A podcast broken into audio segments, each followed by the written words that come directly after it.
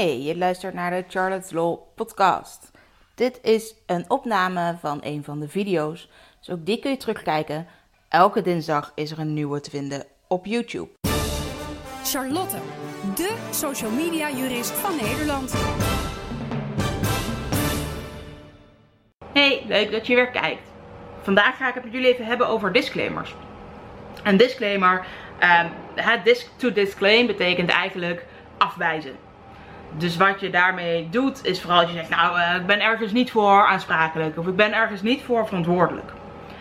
Een disclaimer is alleen ook iets wat eenzijdig is. Het is een verklaring. Je zegt eigenlijk alleen maar, ja ik vind dat ik er niet voor verantwoordelijk ben of ik vind dat ik er niet voor aansprakelijk ben.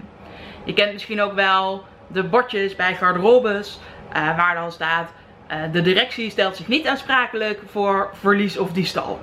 Ja, uh, dat is hartstikke leuk, maar je hoeft jezelf ook niet aansprakelijk te stellen. Je bent het of je bent het niet. Heel veel juristen zeggen dan ook, ah, dat doen wij wel. Goed, zo werkt dat dus een beetje.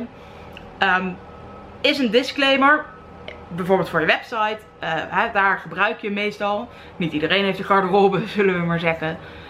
Heeft dat dan eigenlijk nog wel nut, als het zo eenzijdig is? Toch wel een klein beetje om je aansprakelijkheid wat te beperken.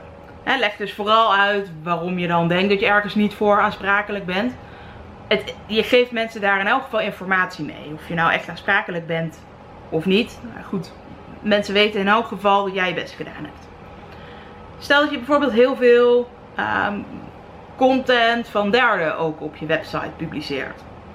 En gastbloggers, of je hebt een forum of op een andere manier iets waardoor mensen zelf content op jouw website kunnen uploaden. User-generated content noemen we het ook wel.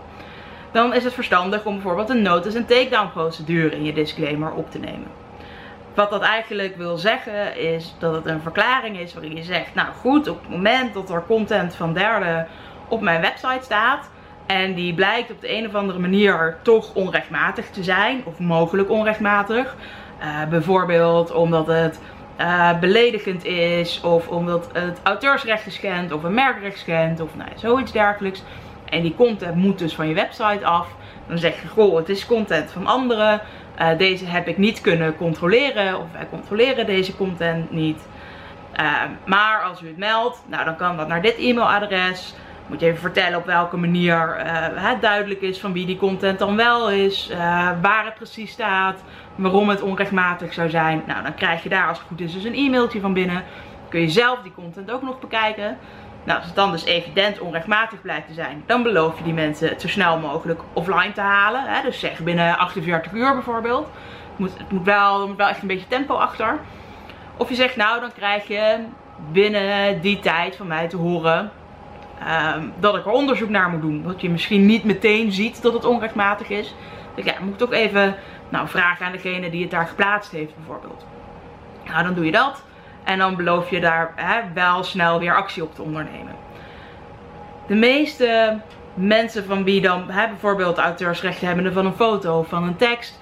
Die zullen dan wel zeggen, nou goed, als het dan dus offline gehaald is, dan vinden we het verder wel prima als dat maar snel genoeg gebeurt. Uh, we hebben achter schadevergoeding aan zitten, kost dan verder tijd. Het is veel belangrijker dat dit weggehaald is.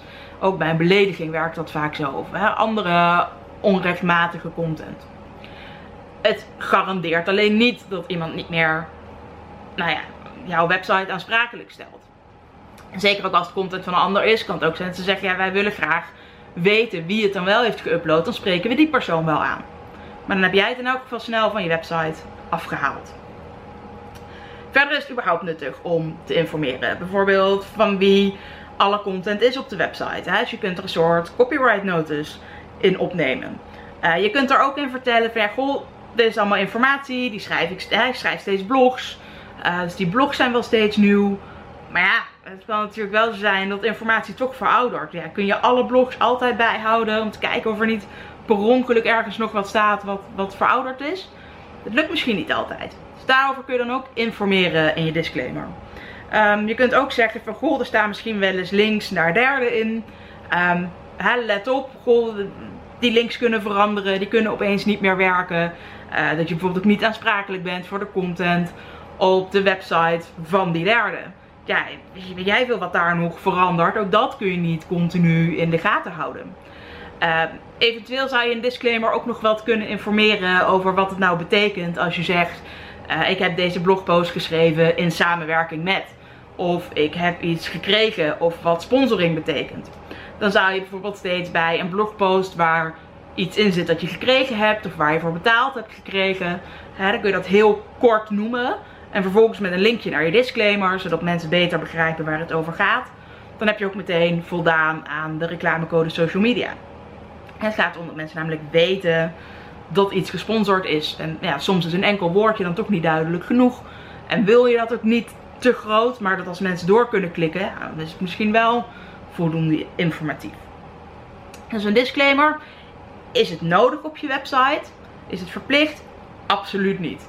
Kan het handig zijn? Ja, soms wel. Voornamelijk dus om uh, te informeren. Om toch wel een klein beetje je aansprakelijkheid in te perken. Door bijvoorbeeld te zeggen als er content van derden op staat dat ze contact met je op moeten nemen. En om eventueel dus wat beter te kunnen voldoen aan de reclamecode social media. Heel veel succes!